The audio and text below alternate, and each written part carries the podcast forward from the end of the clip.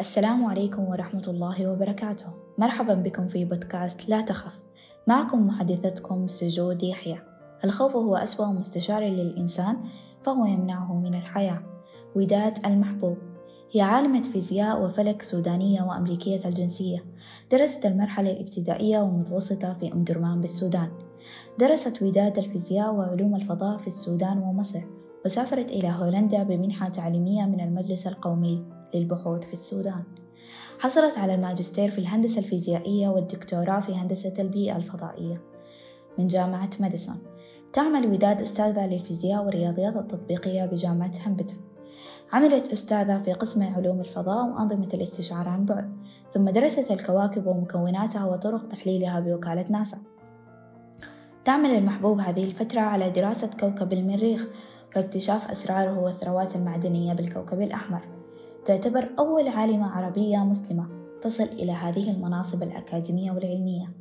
على رغم صعوبة الانضمام إلى مراكز البحوث الفضائية وعلوم الفيزياء والرياضيات التطبيقية خصوصا بالنسبة إلى النساء ثمت من أصرار مثل وداد المحبوب الأمريكية من أصل سوداني على اقتحام تلك المواقع التي تبدو كأنها حكر على الرجال وقد تفوقت المحبوب فيها وأثبتت كفاءتها أكاديميا وتفوقها تكنولوجيا وصنعت إنجازات رائدة ما وضعها في الصفوف الأولى من المجتمع العلمي فمنذ مراحل دراستها الابتدائية والثانوية تآصلت في نفس المحبوب نزعة علمية جارفة دأبت على تغذيتها بمطالعة الكتب والمجلات العلمية المتوفرة حينذاك في المركز الثقافي الأمريكي في الخرطوم.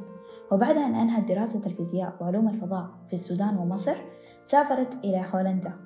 وفي العام التالي انتقلت إلى أمريكا وتابعت تخصصها في جامعة ماديسون حيث أنهت شهادة الماجستير في الهندسة الفيزيائية ثم نالت الدكتوراه في هندسة البيئة الفضائية من الجامعة عينها. وحينها كانت المحبوب أول امرأة أمريكية أو عربية تجمع بين تلك التخصصات وتصل إلى تلك الدرجة العلمية. استهلت المحبوب في حياتها المهنية بالعمل أستاذة في قسم علوم الفضاء وأنظمة الاستشعار عن بعد. ثم انتقلت إلى دراسة مكونات الكواكب وتحليلها في ناسا. وسرعان ما تدرجت في السلك الأكاديمي كي تصل إلى منصبها الحالي حيث تعمل بروفيسورة في علم الرياضيات التطبيقية في جامعة هامبتون. وتقديرا لجهودها العلمية والتكنولوجية حظيت المحبوب بعدد من الجوائز المادية والمعنوية من وكالة ناسا ومجموعة من المؤسسات العلمية في أمريكا كما حظيت بعضوية عدد من الجمعيات العلمية. تحدثت عن تجربتها كأول عالمة عربية مسلمة تصل إلى مناصب أكاديمية وعلمية رفيعة وقالت: من الطبيعي أن تسلط الأضواء على إمرأة تشغل مثل هذه المناصب، ولكن بقدر كبير من الإعجاب والثناء إنما لم يخلو الأمر أحيانا من التمييز العنصري.